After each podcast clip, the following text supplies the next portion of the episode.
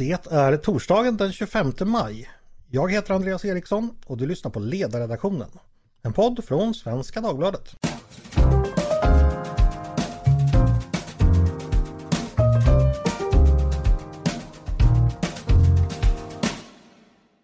Varmt välkomna tillbaka till oss i podden. Det ska bli svårare att bli svensk medborgare. Reglerna ska ändras för att ställa högre krav på den som vill bli svensk medborgare. Det här är en process som redan den förra regeringen inledde och den som den nya nu fortsätter. Det finns redan skarpa förslag på språkkrav samt krav på kunskaper i samhällskunskap. Och just språkkrav, det är ju som ni säkert känner till ett gammalt förslag som har diskuterats mycket under de två senaste decennierna. Förslaget fanns också med i januariöverenskommelsen 2019 och nu har man utrett frågan och det verkar råda ganska bred politisk enighet om att ett sådant krav på språkkunskaper också ska införas. Förutom språkkrav och krav på kunskaper i samhällskunskap sägs det i Tidöavtalet att följande saker ska utredas. Dels en återgång till en längre hemvisttid om minst åtta år. Och det betyder alltså tiden man ska ha bott i Sverige innan man kan bli aktuell för svenskt medborgarskap. Man vill också utreda eh, ytterligare skärpta kunskaper om Sveriges samhälle och kultur samt också införa ett krav på egenförsörjning. Detta om Tidöavtalet. Vad ska man då tänka och tycka om detta? Är det här kloka förändringar? Kommer de att fungera och som det är tänkt? Vilka fördelar och nackdelar finns det? Och hur kommer de här nya reglerna, om de införs, att se ut jämfört med andra länders? Det tänkte jag vi skulle prata om idag och med mig för det att göra det har jag tre gäster. Fanny Forsberg Lundell, professor i franska vid Stockholms universitet. Varmt välkommen hit Fanny! Tack! Christian Fernandez, docent och lektor i statsvetenskap vid institutionen för eh, globala politiska studier vid Malmö universitet. Välkommen du också Christian! Tack så mycket! Och Andreas Johansson Heinö, en gammal bekant i podden, förläggare på Timbro förlag, doktor i statsvetenskap. Varmt välkommen du också! Tackar, tackar! Tänkte börja med dig Andreas. Eh, jag läste att du var intervjuad i Dagens Nyheter nyligen där du ombeds kommentera flera av de förslagen som nu är på gång.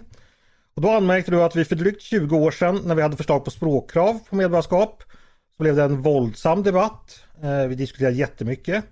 Men idag när vi förutom språkkrav har flera andra ganska radikala förändringar på gång när det gäller den här regleringen, då har vi inte alls samma diskussion. Eh, och det är ju en iakttagelse som är riktig. Varför har det blivit så, tror du?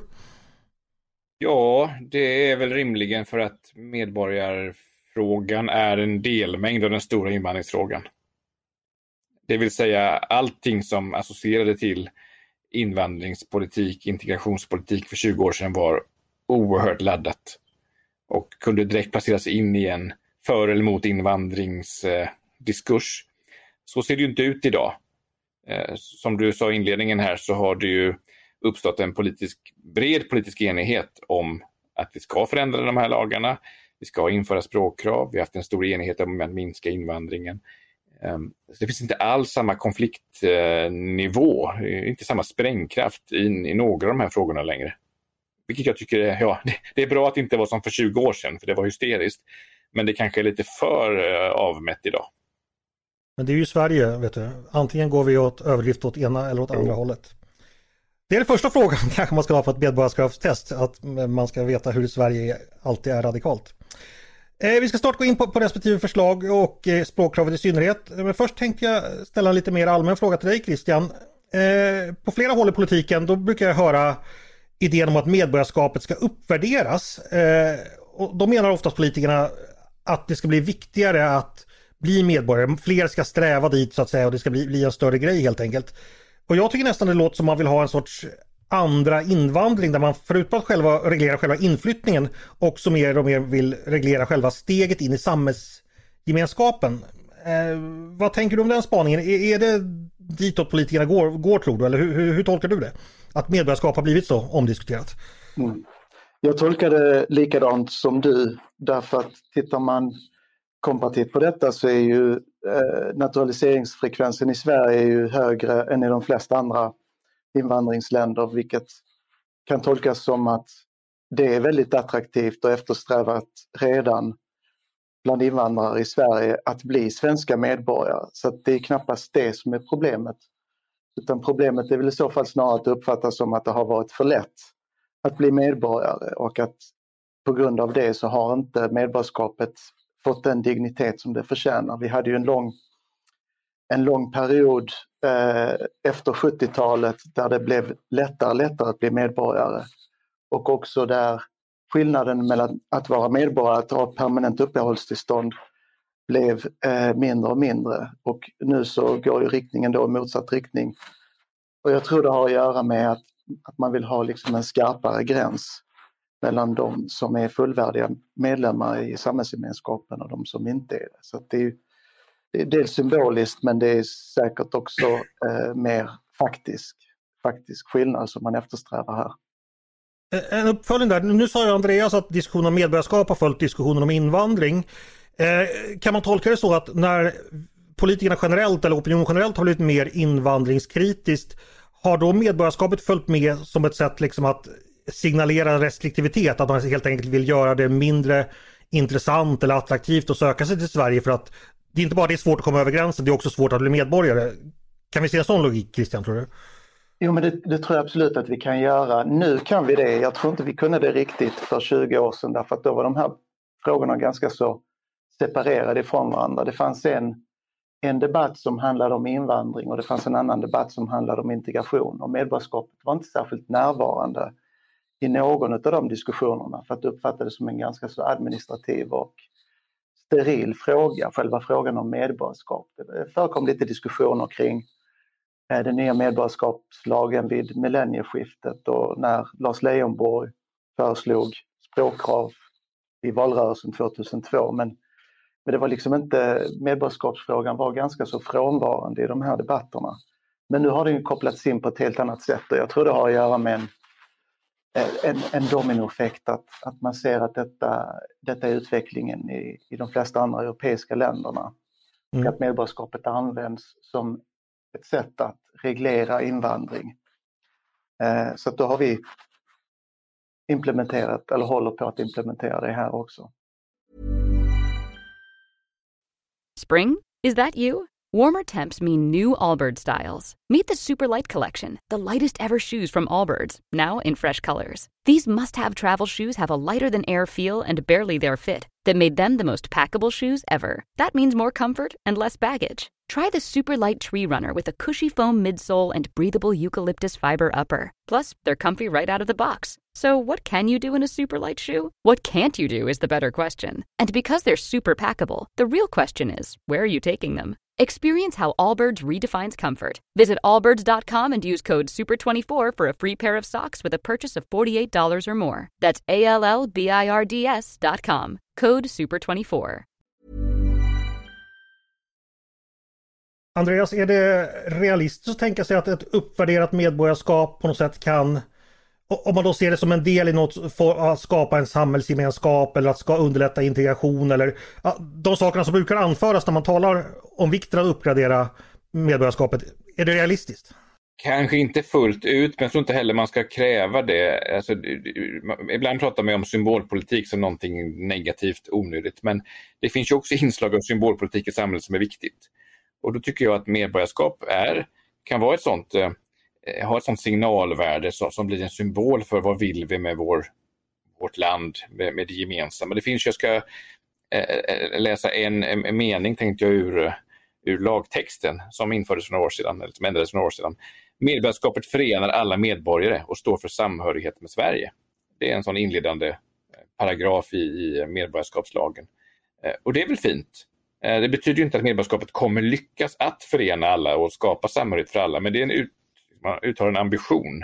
Det här vill vi med, med, med politiken. Eh, och, och det, det, tycker jag det är en bra början. Man ska ju tänka sig tvärtom, att medborgarskapet splittrar samhället och separerar människor. Så står det inte i något land, men, men det, det skulle kunna vara så om man hade den ambitionen. Okej, så, så, fin ambition ja. men man kanske inte ska förvänta sig att det ska lösa allt här i världen? Nej, det är snarare att det symboliserar ett slutmål. All, ja. vad, vad, ska all politik syfta mot? Jo, vi ska ha ett jämlikt samhälle där, där medborgarskapet eh, betyder någonting. Mm.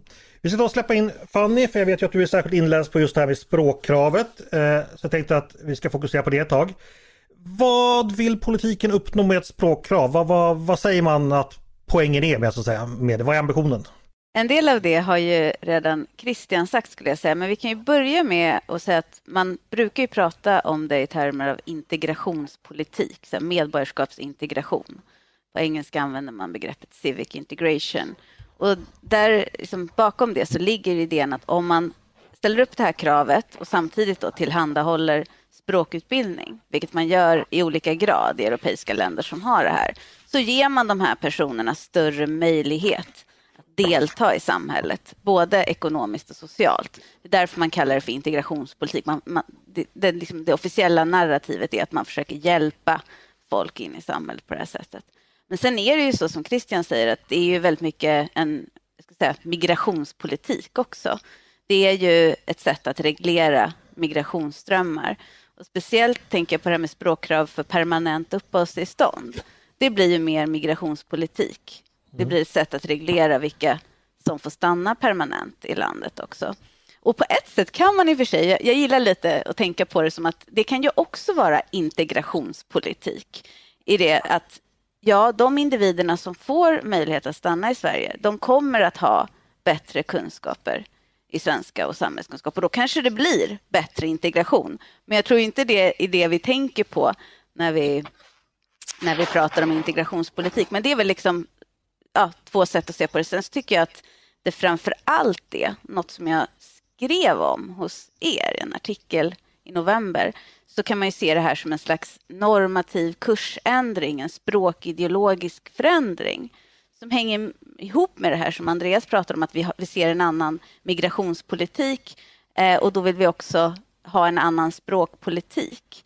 Eh, på 70-talet så gick vi igenom den multikulturella vändningen när det gällde migrations och integrationspolitik. Vi fick offentligt finansierad modersmålsundervisning till exempel.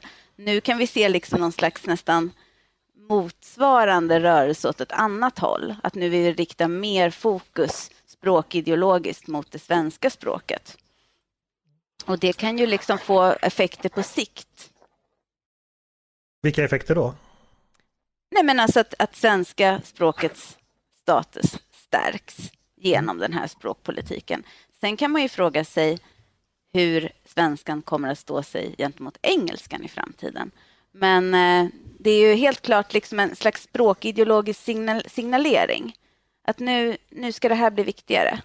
Och det är viktigare, viktigt att alla deltar i den här gemenskapen. Mm. Eh, men det här med integration då, om vi blir väldigt krassa där. Eh, vad säger forskningen? Det, det, måste väl finnas data här. Funkar det som ett integrationspolitiskt redskap i verkligheten? Det finns två stycken spår där som jag skulle ta upp. Och då är det liksom kortsiktigt så har det inte fungerat till exempel i Norge och Danmark så har ju så medborgarskapsnivå eller an, an, andelen medborgarskap har gått ner efter att man införde sådana här krav. Det är färre personer som har fått medborgarskap så då verkar det liksom inte som att man har infört de här kraven och sen så ja, har folk eh, fått medborgarskap. Men å andra sidan så finns det flera statsvetenskapliga studier. Det här är ju lite Christians område egentligen, men jag har ändå läst in mig på det också. Och det det finns studier som visar effekter på politisk integration. Det finns en studie som visar på effekter på ekonomisk integration och även en intressant jag hittade ganska nyligen om well-being hos migranter, att det ökade genom eh, sådana här test. Eh, det finns också studier från Frankrike som visar på att sån språkplikt, alltså obligatorisk språkundervisning, det ger bättre arbetsmarknadsintegration. Men jag skulle säga att forskningslägret är lite splittrat. Jag vet inte om du håller med mig, Christian? Att det är oklart vad, vad det ger för effekter. Men jag tycker, tror att kortsiktiga effekter tror jag är svårt att säga att det kommer att finnas. Ja, Christian får ta vid där. Mm. Nej, men jag håller, håller med om att det definitivt är splittrat och det är väldigt metodologiskt väldigt svårt att undersöka också för det är väldigt svårt att isolera vad som är själva vad som är effekten av de här ehm, de här policyinstrumenten och vad som är effekten bara av att man befinner sig i samhället och bygger upp sociala nätverk och eh, ökar sitt eh, hum, eh, humankapital och så vidare. Så att, men de tydligaste, eh, de tydligaste resultaten som jag har sett det är väl att det finns de, att, att folk får någon slags politisk aktivering efter naturaliseringen. Att, eh, och då kan man fundera över vad det beror på, om det beror på att de, är, att de har blivit bättre, eh, bättre lämpade för att delta politiskt och socialt i samhället eller om det blir på att de har, beror på att de har blivit mer motiverade av att bli inkluderade formellt Eh, via medborgarskapet. Men sådana effekter kan man ju se. Men, men där är också metodologiska svårigheter med att undersöka dem såklart. En, en fråga till till Fanny där. Nu pratar vi om språkprov och språktest väldigt mycket liksom som om det alltid är samma sak. Men det är väl förstås inte. Jag antar att det finns väldigt olika varianter man kan ha. Man kan kräva olika nivåer på testen och de kan utformas på olika sätt. Vet vi någonting om det? Alltså, gör olika länder på olika sätt eller ja, hur ser det ut? Det är ganska olika nivåer som man kräver. Alla länder utgår från, alltså i Europa pratar jag om nu, utgår från något som heter gemensam europeisk referensram för språk, GERS. Eh, och där finns det nivåer från A1 som är liksom den mest elementära nivån upp till nivå C2 som är en slags välutbildad infödd nivå kan man säga. Eh, men det, då är det vanligaste att när det gäller medborgarskap så lägger man sig på något som heter nivå B1, alltså i mitten ungefär. Och om vi ska tydliggöra vad det här innebär så kan man säga att B1 det motsvarar den nivån man har i moderna språk, alltså franska, spanska eller tyska, om man har läst det i högstadiet och gymnasiet. Mm, okay. Så det är liksom en, en nivå som, man, som är vanlig att kräva för medborgarskap. Och i den här utredningen som kom 2021, eh, vad heter den, krav på krav på ja, kunskap, kunskaper i svenska och samhällskunskap, den här offentliga utredningen som kom. Då föreslog man ju eh, i Sverige nivå A2 för muntliga och produktiva färdigheter och nivå B1 för läs och hörförståelse. Så man kan säga att vi ligger, när, när det gäller medborgarskapskravet, så ligger vi liksom ganska mycket i mittfåran i Europa. där. Det finns ju vissa länder som är kända för att ha höga krav. Danmark till exempel har nivå B2 och de har kritiserats ganska mycket för det för att ja, det innebär i praktiken att mest personer som har en högre utbildning kan klara det. Även Österrike har B2 vet jag. Grekland tror jag. Mm. Då får jag bryta in här, för, för jag, tycker, jag tycker det ni tar upp nu är exempel på en förändring. För går man tillbaka till 2002 och när Folkpartiet föreslog språkkrav. Eh, dels var det ju de hade ju inga detaljsvar kring vad de menade med det. Det fanns någon slags jämförelse. Typ, Norge har någonting, det kanske vi kan lära av. Men det var väldigt försiktigt. Men det var också så att man motiverade detta i termer av integrationen skulle bli bättre. Det behövdes en morot till för medborgarskapet. Eh, eh eller piska möjligen hur man ser på det. Eh, men det var, argumentationen var helt kopplad till att genom krav på medborgarskap så stärker vi incitamenten att lära sig svenska och därmed får vi en bättre integration. Den argumentationen tycker jag är mycket ovanligare nu. Ta då som exempel det som Fanny är inne på nu. Eh, januariavtalet ledde fram till då en utredning eh, om språkkrav som då där, där Liberalerna och Centern fick med sig Socialdemokraterna och Miljöpartiet. Utredningen föreslår då det som Fanny berättar om.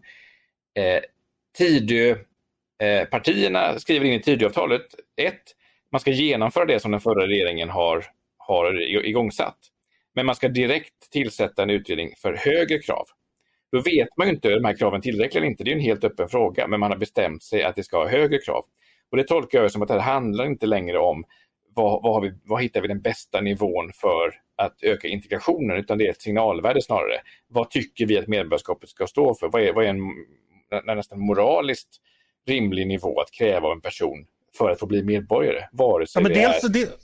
Nej, Där måste jag få bryta in igen, för jag tycker det var intressant att se i februari i år att Socialstyrelsen eh, publicerade en rekommendation om vad, vilken språknivå de tyckte man skulle ha inom äldreomsorgen. Och då var det faktiskt nivå B2. Och det tyckte jag var intressant med tanke på de krav som då har föreslagits tidigare för, som A2, A2 B1 för medborgarskapsprov och även det som då gäller ganska mycket ute i Europa. Och sen så tycker Socialstyrelsen att nej, det räcker absolut inte för, för arbete inom äldreomsorgen. Och det talas mycket om språkkrav i vården, men det visar ju också, det kanske inte bara är det här moraliska, det kanske faktiskt är så att jag tycker man kan tänka att A2 till exempel, det är en låg nivå. Hur långt kommer man med den? Det kan ju också finnas en sån aspekt att ja, man behöver kanske mer om man ska mm ja. komma någon vart. Ja. Eh, men jag tänker också det du sa Andreas, det behöver inte bara vara ett signalvärde. Det kan ju också ha ett väldigt konkret betydelse att man helt enkelt vill att färre ska bli medborgare för att man vill att utlänningar, färre utlänningar ska bli... Alltså det kan ju finnas en sån tanke också tänker jag. Ja, så har det ju varit i Danmark och Nederländerna. Där har det varit ett uttalat mål att det, det, det ska vara, ha en avskräckande effekt. Ja. Men eh, vi ska snart gå vidare, men jag bara angående det här med språkkrav Fanny. Just det här med att dels att det tidigare var då ett reellt pedagogiskt verktyg där man liksom då, ja men det här ska verkligen hjälpa folk att bli integrerade. Versus det här symboliska kravet för att visa att medborgarskap, det är någonting ganska svårt och det är väldigt speciellt och man ska verkligen vilja bli svensk och man måste anstränga sig lite. Vad tänker du kring det? Vad är det som har, tycker du dominerar i argumenten och diskussionen där?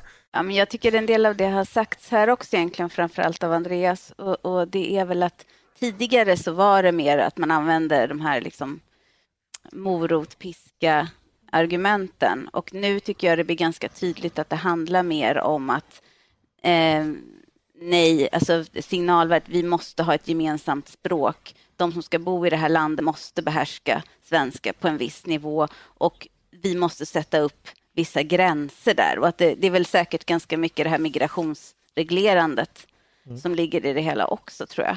Eh, och det hänger ihop, som Andreas och jag har sagt innan, med migrationspolitiken, hur man ser på det. Just det. Eh, bara en fråga, Sverige sticker väl ut lite i Europa med att inte ha haft ett språkkrav hittills? Det är väl det vanliga att man har det va? Ja, det är det vanliga. Vi är väldigt ovanliga. Vi har varit exceptionella på det sättet. Det är några andra länder som också mm. har det, men generellt sett så har man det. Men i vanlig ordning kommer Sverige slå över åt andra ändan och kräva kunskaper i skånska, värmländska, gotländska och dalmål för att bli medborgare. Hörrni, eh, vi ska gå vidare från språkkravet och gå över till övriga förslag. Eh, de är ju kända sedan tidigare då, sedan Tidöavtalet, men presenterades ytterligare på en pressträff för några veckor sedan med migrationsministern. Eh, och då var det det här med samhällskunskap är ju redan på förslag, men det vill man då ha ytterligare test som ska vara lite svårare och så. Christian, vad finns att säga om det? Samhällskunskap som ett eh, krav för medborgarskap. Vad, vad, kan du berätta, vad vill man med det tror du och vad kan man åstadkomma? Ja, det, det, är bra att du bryter upp frågan på det sättet för att det ena ger ju inte nödvändigtvis det andra men, men det förefaller väl ganska så rimligt i förstone att man, eh, att man vill förvänta sig av medborgare att de har en förmåga eh, språkligt men också kunskapsmässigt att kunna följa den politiska debatten och eh, använda sina rättigheter på ett informerat sätt. Och i det avseendet så Eh, krav på eh, vissa kunskaper i samhällskunskap rimliga. Eh, men sen blir det ju genast mycket svårare när man ska försöka specificera vilka kunskaper detta ska vara och hur de ska testas. Själva testmomentet är ju det, det, det som är det svåra och hur man ser till så att testerna verkligen testar det de ska testa. Ska man verkligen ha test eller räcker det med att man har kurser? Rent teoretiskt så är det ju såklart rimligt. Um, men, men praktiskt funkar det? Jag vet inte, alltså de studier som jag har sett så har det ju, det kan ha liksom en motiverande effekt. Och just den här symboliska aspekten som Andreas är inne på kan ju vara väldigt viktig, att man känner att det blir liksom en passagerit, att man känner att man har passerat det här. I USA så har det alltid varit det viktigaste syftet med att att ha medborgarskapstester för de är inte svåra. Men det är liksom den här symboliska innebörden att man övergår från, från en status till en annan och att det ska liksom högtidlighållas och det ska markeras på olika sätt. Och det avseendet så tror jag att det kan ha en, en viktig effekt. Men som ett specifikt test som man pluggar till och som man sen liksom eh, gör, sig, gör sig till en kompetent medborgare via, det, det tror jag är mycket svårare, jag vet inte riktigt. Alltså jag kan ju lätt se framför mig att det kan bli ganska pajigt. För jag tänker ju exempelvis på körkortsprovet där man då får svara på frågor om trafikregler och det är bra för de använder man ju sen hela tiden. Men så finns det ju massa andra frågor där, där man ska svara på exempelvis miljöpåverkan av bilar eh, och så då pluggar man ju då att ja, bla bla bla kväveoxid släpper ut så mycket. Men det är ingen jävel som kommer ihåg det efteråt för det är ingenting man har nytta av efteråt. Samma sak när det gäller köra hur mycket man får lasta på en lastvagn. Om man inte har då dragkrok så är det också helt ointressant. Men de frågorna finns där lik förbannat för att de ska finnas där symboliskt. Så att jag glömde väl bort dem fem minuter efter jag tagit körkortet. Det gäller nog liksom 95% av alla som inte är liksom väldigt fascinerande. Så jag kan tänka mig att det kan bli frågor som är, kan få rätt konstiga, konstiga, ja, lite pajigt så att säga. Eh, Andreas, vad tänker du om samhällskunskapstest som medborgarskap? Är det vettigt? Ja, eh, eh jag, är, jag är positiv till det, men jag också delar din oro över hur det kan bli. Eh, min ingång är nog samma som Christians, det finns ett egenvärde i att man går igenom någonting. Alltså, det, det, är ett sätt att stärka statusen på medborgarskapet. Eh, det ser väldigt olika ut i varje land hur de här testen utformas. Och det, det, man får liksom ganska mycket fördomar om länder bekräftade. Frankrike har sin version med en assimilationsintervju.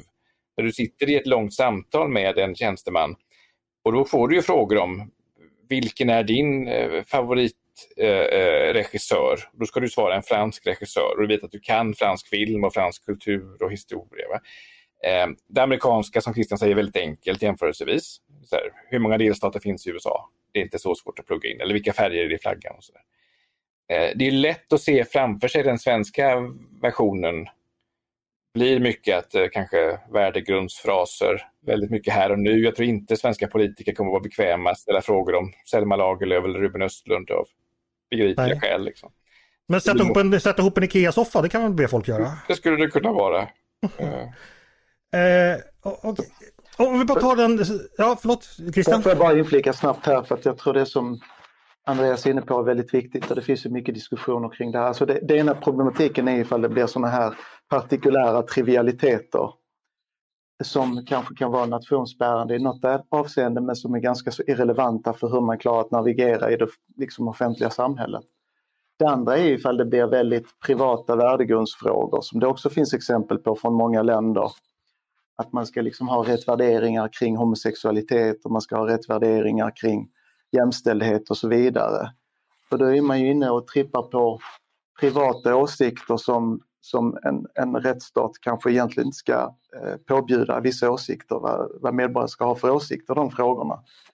Så det är väldigt viktigt att det i så fall ska vara någonting som, är, som, har, ett, som har en instrumentell betydelse för hur man klarar av att navigera i samhället. Det ska inte ha med de här privata sakerna att göra om man ska ha det överhuvudtaget. Mm. Det låter som ett, ja, ett grannlaga uppgift att ta fram. Eh, jag minns ett Simpsons-avsnitt när den numera borttagna personen eh, eller karaktären Apu skulle genomföra ett sånt där test. Och då fick han frågan, kan du redogöra för orsakerna till amerikanska inbördeskriget? Och Apu då som är väldigt påläst säger, ja bortsett från det uppenbara sla slaveri, och så gick han in på en lång diskussion om, om, om tullar och industrialisering och sådär. Så avbryts han bara så här, slavery is fine, next question. För då är det liksom bara sådär, man ska bara kunna säga slavery, det blir, ja det är ju som en, eh, eh, ett barn ska klara det liksom, det blir väl lite fånigt. Eh, Christian, om vi tittar då på övergripande, jag nämnde i början här att Tidögänget har väldigt mycket förslag på gång. Sammantaget om alla genomförs, hur stor förändring blir det för den som vill bli medborgare i Sverige? Uppenbarligen stora, stora förändringar, men kan du ge oss liksom något begrepp hur radikalt det här är och också i internationell jämförelse? Ja, alltså det är ju ganska så långtgående skulle jag säga men exakt hur långtgående vet vi väl inte riktigt än. Alltså Sverigedemokraterna om man räknar in dem i Tidögänget. De vill ju också ha skärpta krav på det här med vandel.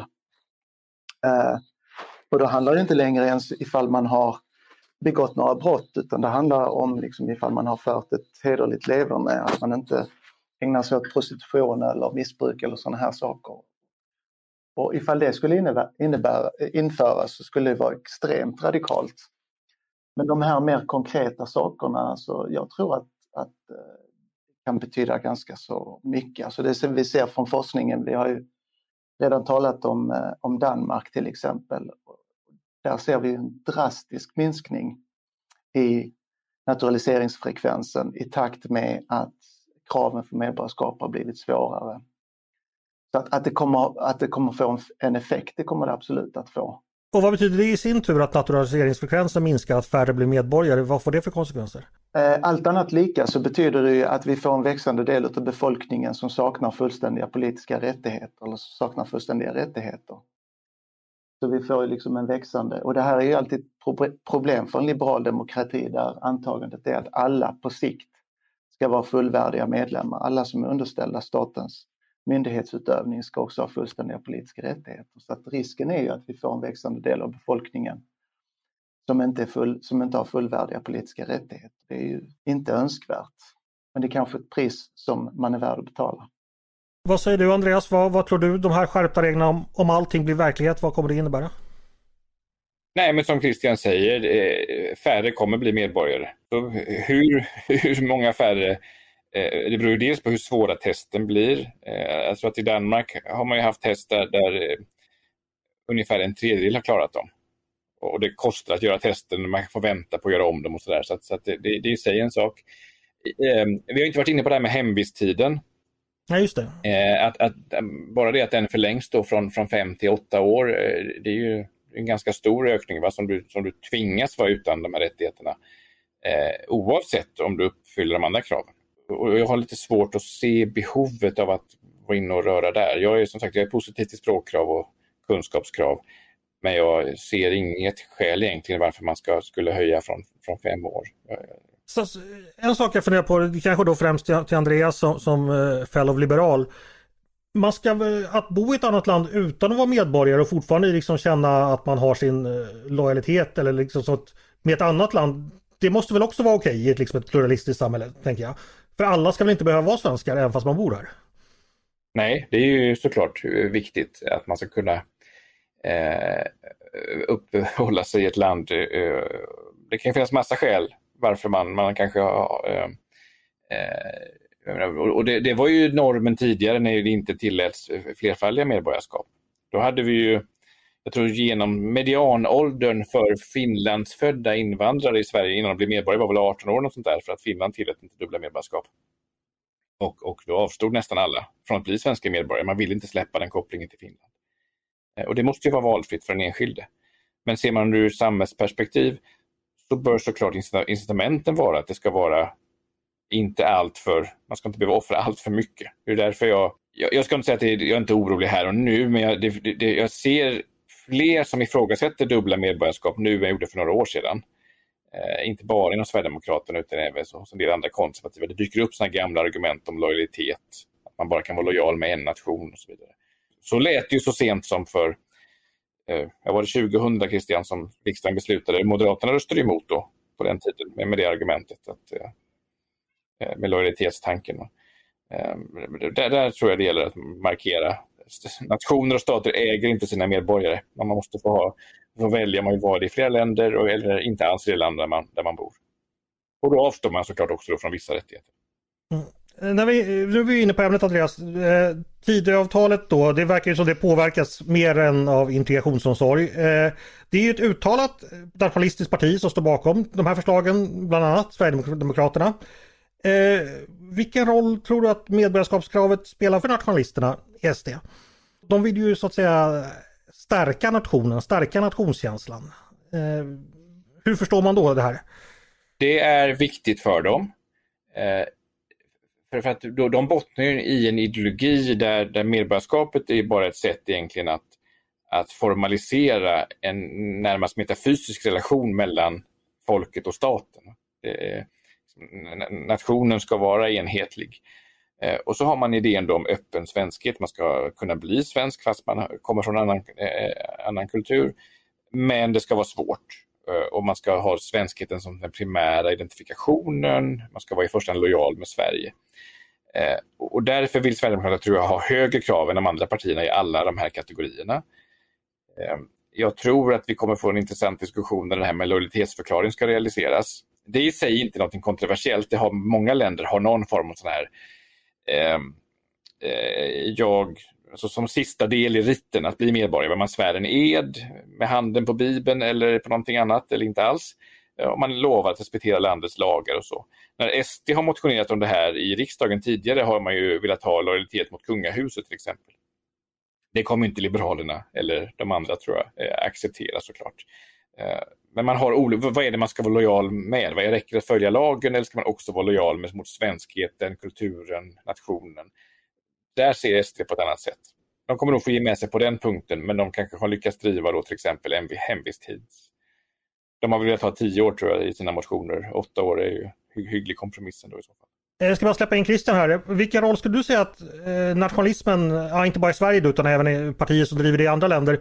Eh, vilken roll spelar den i, i den här att länderna har gått åt höjda krav på medborgarskap? Har det funnits nationalistiska ambitioner där även på andra håll? Ja, det har det ju såklart. Men jag är inte säker på att det är den enda, alltså jag tror inte att det är den enda drivkraften. Och, alltså jag tycker det är viktigt också att komma ihåg att när, när de här, den här medborgerliga vändningen kom, eller vad man ska kalla den, i, där i slutet på 90-talet så var det, ju, det var inte bara någonting som omfattade eh, migrationspolitik och integrationspolitik utan det var också någonting som uppkom väldigt starkt inom, inom utbildning och skolväsende också, att man skulle liksom stärka eh, de, de medborgerliga elementen i utbildningen och så. Så att det är väldigt, jag tror man gör det enkelt, för enkelt för sig om man bara härleder detta till en nationalistisk eller populistisk våg. Utan det är, det är mer komplicerat än så. Men däremot så är det ju alldeles tydligt så att det är en, en våg som populister och nationalister har ridit på och försökt göra till sin. Så att, eh, naturligtvis är det så att vi ser det i många länder att, att, eh, att nationalister och populister har blivit intresserade av medborgarskapet just på det sättet som Andreas är inne på, just därför att det är ett instrument som kan användas för nationalistiska syften för att begränsa invandringen, för att eh, begränsa tillgängligheten till naturalisering och så vidare. Tittar man ut i Europa så är det absolut på det viset. Men, men, det, men det, är inte, det är inte bara det som är bakgrunden till den här eh, rörelsen eller vad man ska kalla det, trenden. Eh, vår tid börjar ta slut, vi ska ta och runda av. Jag tänkte bara höra ifall eh, det är något ytterligare. Eh, Fanny, nu kommer vi bort från språkkravet, men om vi återgår till det. Är det någonting du tänker att eh, som vi inte har fått med här eller som du tycker är viktigt att lyssnarna får med sig när man funderar vidare kring det här? Jag tror att det är viktigt att tänka på att det inte är någonting extremt. Till exempel i Kanada så har man ju diskuterat det här väldigt mycket också sedan länge, så det är ingenting som, och det har, det har ni ju sagt, liksom att det är inte enbart kopplat till nationalism eller populism, men i Sverige har det ju liksom tenderat att framställas på det sättet. Så jag tror ändå att det, det är viktigt att vi blickar utåt lite också och inser att det, det här är inget extremt på något sätt. Men sen är frågan hur man använder det såklart. Eh, ja, Christian, lite samma fråga till dig. Eh, vad, vad, tycker du man ska hålla utkik över framöver? När, nu ska de här frågorna utredas och behandlas politiskt. Vad, vad, vad ser du fram emot att eh, ja, och, och titta på framåt? När det gäller eh, utredningsbetänkande eller mer Ja, allmänt. eller de här frågorna generellt, hur de behandlas politiskt. Vad, vad tycker du är viktigt att man håller ögonen på? Eller vad, vad, vad tror du är där de stora striderna kommer stå så att säga?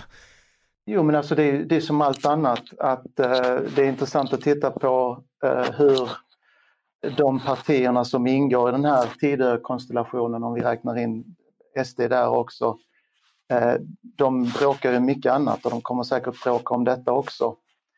Eh, så det ska bli intressant att se ifall den konstellationen kommer att hålla. Sen tycker jag det är viktigt såklart att, eh, att, att detaljerna är viktiga i det här också. Vad är det man är ute efter? Hur avser man att testa detta? Det spelar roll. Mm. Så att det finns, precis som Fanny är inne på, det finns många traditionella invandringsländer som har använt den här typen av tester sedan urminnes tider höll jag på att säga utan att det har uppfattats som någonting destruktivt. Eh, utan som använt, det kan användas på ett progressivt sätt. Men djävulen finns i detaljerna och det är viktigt att hålla koll, koll på dem och hur de motiveras. Vad är intentionerna bakom detta? Andreas, något slutord från dig? Nej, men eh, bara för att ta vid då, eh, kring den enskilt viktigaste detaljen, för att hålla med det som ni säger. Det är nog det som Christian var inne på förut, gränsdragningen mellan att ställa fullt rimliga krav på kunskaper om till exempel lagar i Sverige. Och det är inte alls rimliga att börja fråga vad tycker du själv om den här lagen? Uh, där måste vi hålla isär. det finns ett stort värde i att se till att alla faktiskt vet vad man får göra i Sverige. Men en del av det är också att man får faktiskt tycka att svensk lag är fel. Och det ska inte mm. diskvalificera en som medborgare. Själv tycker jag massor med lagar är fel. Då är det dags att eh, börja avrunda och därmed säger jag stort tack till Fanny Forsberg Lundell, Christian Fernandez och Andreas Johansson Heinö för att ni gästade podden idag. Tack så mycket! Tack! Tack! Tack också till er som har lyssnat på dagens avsnitt av Ledarredaktionen. En podd från Svenska Dagbladet. Hoppas ni fick intressanta saker att tänka på idag. Och som vanligt är ni varmt välkomna att höra av er till oss på redaktionen med tankar och synpunkter på det vi precis har diskuterat. Eller om det är så att ni har förslag på vad vi ska ta upp i framtiden. I båda fallen så är det bara att mejla till ledarsidan snabla svd.se. Dagens producent, han heter som ni vet Jesper Sandström. Jag heter som ni vet Andreas Eriksson och jag hoppas som ni vet att vi hörs snart igen.